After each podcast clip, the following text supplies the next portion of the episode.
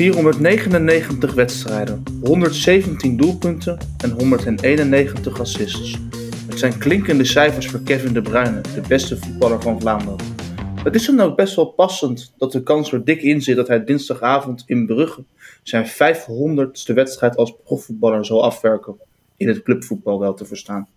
Mijn naam is Jan-Willem Spaans en ik heb het genoegen om vanmiddag samen te zitten met François Collin en Eddie Snelders. Twee autoriteiten als het gaat om voetbal in België. Zij zullen bespreken Kevin De Bruyne. Ik geef François graag het woord. Dankjewel uh, Jan-Willem. Eddie, uh, hoe goed is uh, Kevin De Bruyne? Ja, hoe moet je dat taxeren? Je kan alleen maar zeggen heel goed, uitzonderlijk goed. En dan kunnen we heel zijn evolutie bekijken vanaf dat hij gedebuteerd is toe, welke sprong dat hij nog voorwaarts gemaakt heeft als, uh, als profvoetballer. En ook uh, de autoriteit en de persoonlijkheid die hij geworden is uh, door de jaren door. Dus ik denk niet dat wij ooit al een voetballer hebben gehad die het niveau van De Bruyne heeft kunnen benaderen, laat staan overstijgen, dat zeker niet. Dus ik denk dat wij een van onze beste voetballers aller tijden nu op de veld hebben, wat Vlaanderen en België betreft. Een van de beste of de beste?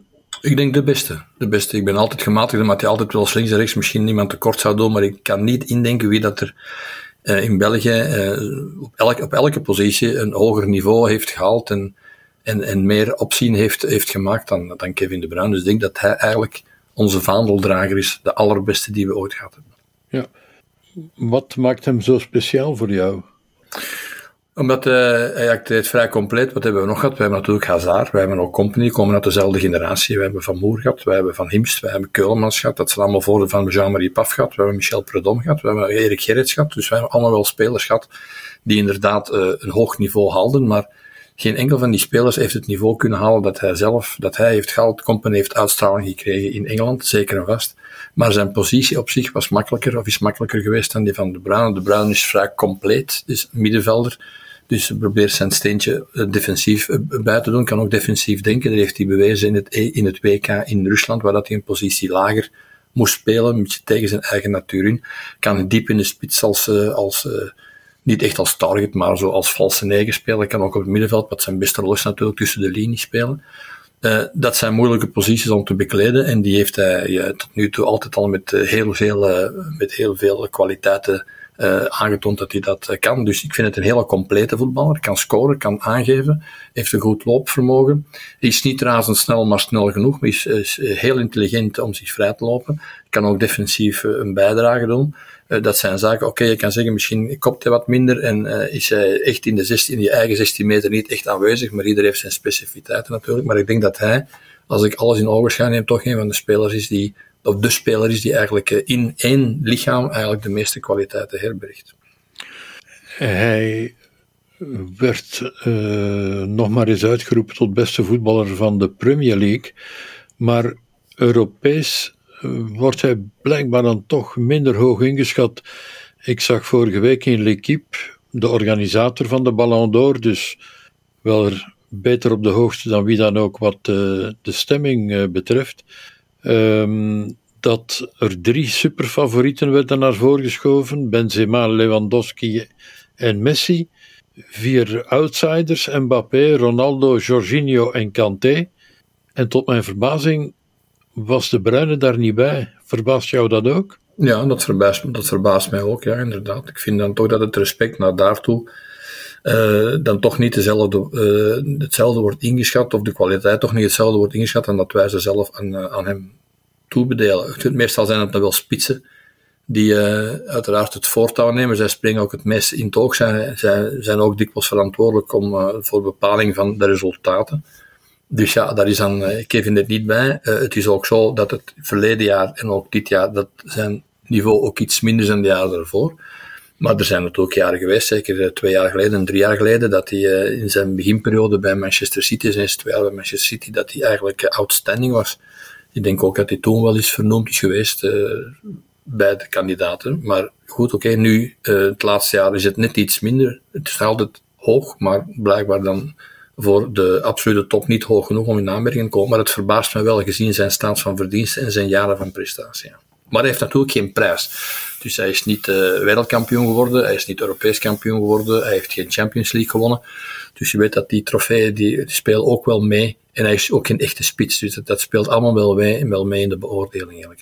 Ja, denk je dat de Euro 2020 hem eigenlijk een topplaats door de neus heeft geboord. Ja, als je daar inderdaad, als je Europees kampioen wordt of je speelt de finale, uh, dan denk ik dat de kans groot is. Ik denk dat ook Jorginho, Jorginho heeft daar ook uh, van mee geprofiteerd om dan wel vernoemd te worden natuurlijk. Hè. Ook terecht, daar gaat het niet over. Kanté zit in een wereldkampioenploeg.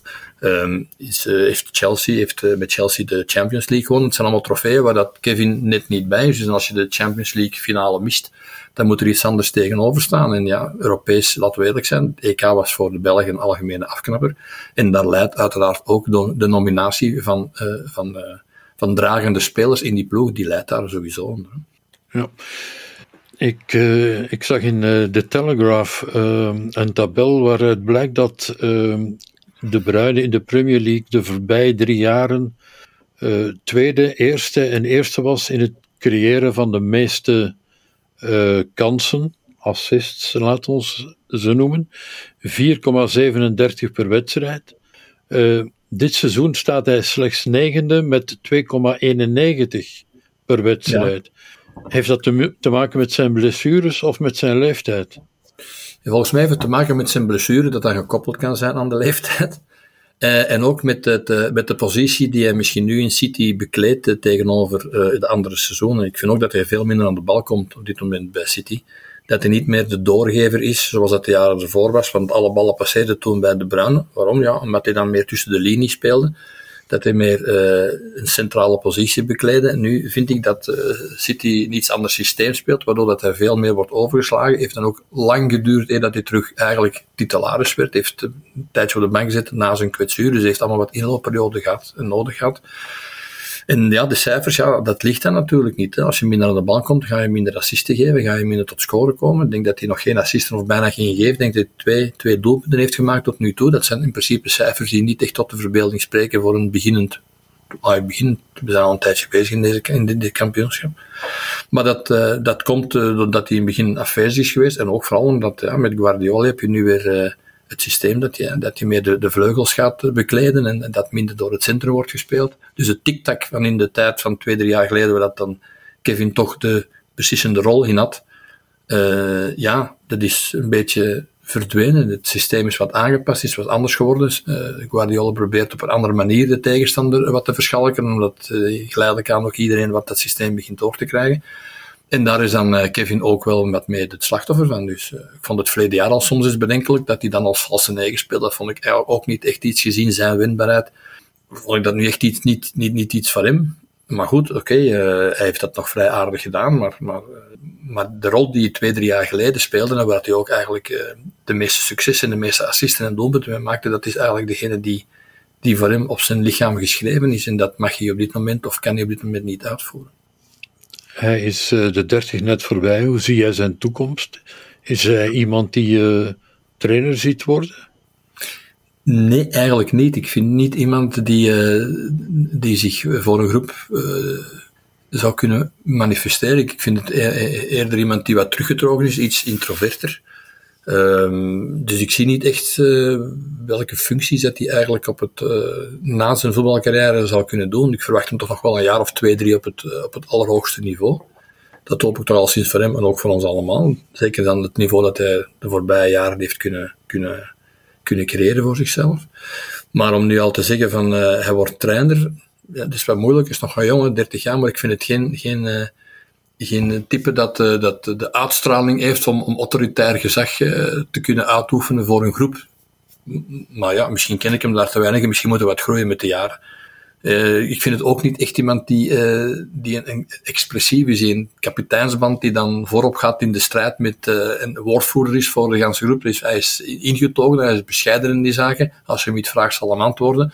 Maar hij gaat niet van zichzelf al uh, voor de groep iets gaan verkondigen. Dat is niet eh, echt zijn stijl. Dus, en als trainer weet je, dan moet je ook wel eens uh, je mannetje staan voor een groep. Dan moet je ook expressief zijn. En ik weet niet of dat het echt iets, iets is dat hem ligt. Tegen Club Brugge zullen alle ogen op hem gericht zijn? Dat is hij gewend, François. Ik denk dat er weinig wedstrijden zijn dat niet alle ogen op hem gericht zijn. Dus ik denk niet dat een, dat, dat een. Het is voor hem een speciale situatie, maar hij is in België voetbal. Maar uh, voor de rest, ja, de druk zal er aanwezig zijn, ook voor het City op zich, want zij moeten absoluut punten halen, dat, uh, dat weet iedereen. Dus, uh, maar ik denk niet dat dat voor hem bepaalde situaties zou veranderen. Het enige is hij komt nog eens in eigen land voetballen. Dat gebeurt natuurlijk niet heel veel, maar de druk van, van een Champions League, Champions League wedstrijd, van de druk van te moeten winnen, en de druk van jij moet goed presteren, ja, dat is, dat is een deel van het, van het topvoetbal geworden. Hè. De topvoetballers moeten daarmee kunnen omgaan. Niet evident, maar iedereen onderschat dat wel.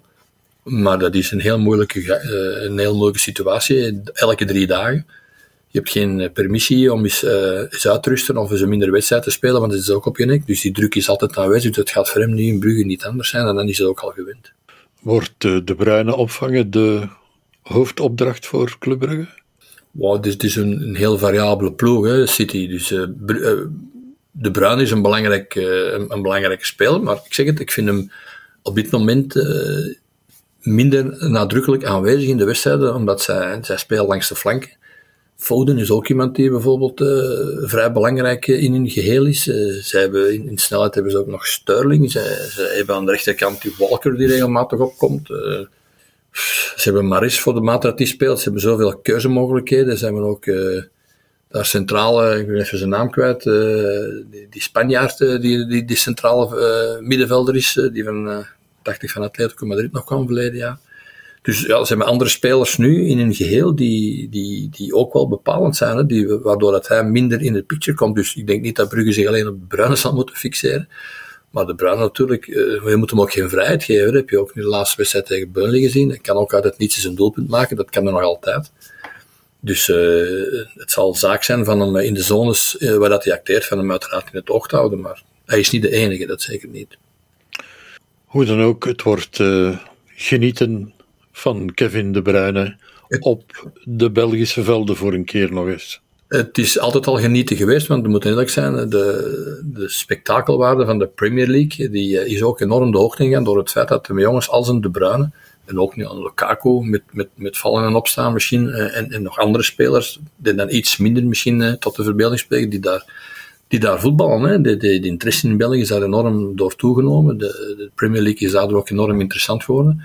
Dankzij spelers uh, à la Kevin De Bruyne, dus we moeten ze zeker koesteren. En eigenlijk, en ik hoop dat dat niet gebeurt, maar je kent mensen dat hij morgen aan de bal komt, dat ze niet beginnen uitvaten, want de, de meerwaarde en de waarde die De Bruyne aan het Belgisch voetbal al heeft uitgedragen, voor België zelf, maar ook voor de rest van de wereld, die is al heel groot geweest. Dus een beetje respect uh, zal wel op zijn plaats zijn. En dat doe je meestal niet door je tegenstander uit te fluiten. Maar ik verwacht dat toch morgen weer gebeuren in Brugge, want ik denk niet dat ze daar veel rekening mee zullen mee houden. Laat ons hopen dat het niet gebeurt, uh, Eddie. Uh, bedankt in elk geval. Graag gedaan. Ook ik wil graag Eddie en François bedanken voor hun tijd om het te hebben over deze formidabele voetballer die zijn 500ste wedstrijd in het clubvoetbal op Belgische bodem lijkt te gaan spelen. Laten we hopen dat het voor hem in ieder geval een gelegenheid wordt waar hij later met veel plezier op terugkijkt. Ik dank u voor het luisteren en hoop u jullie vervolg weer te mogen begroeten. Tot ziens.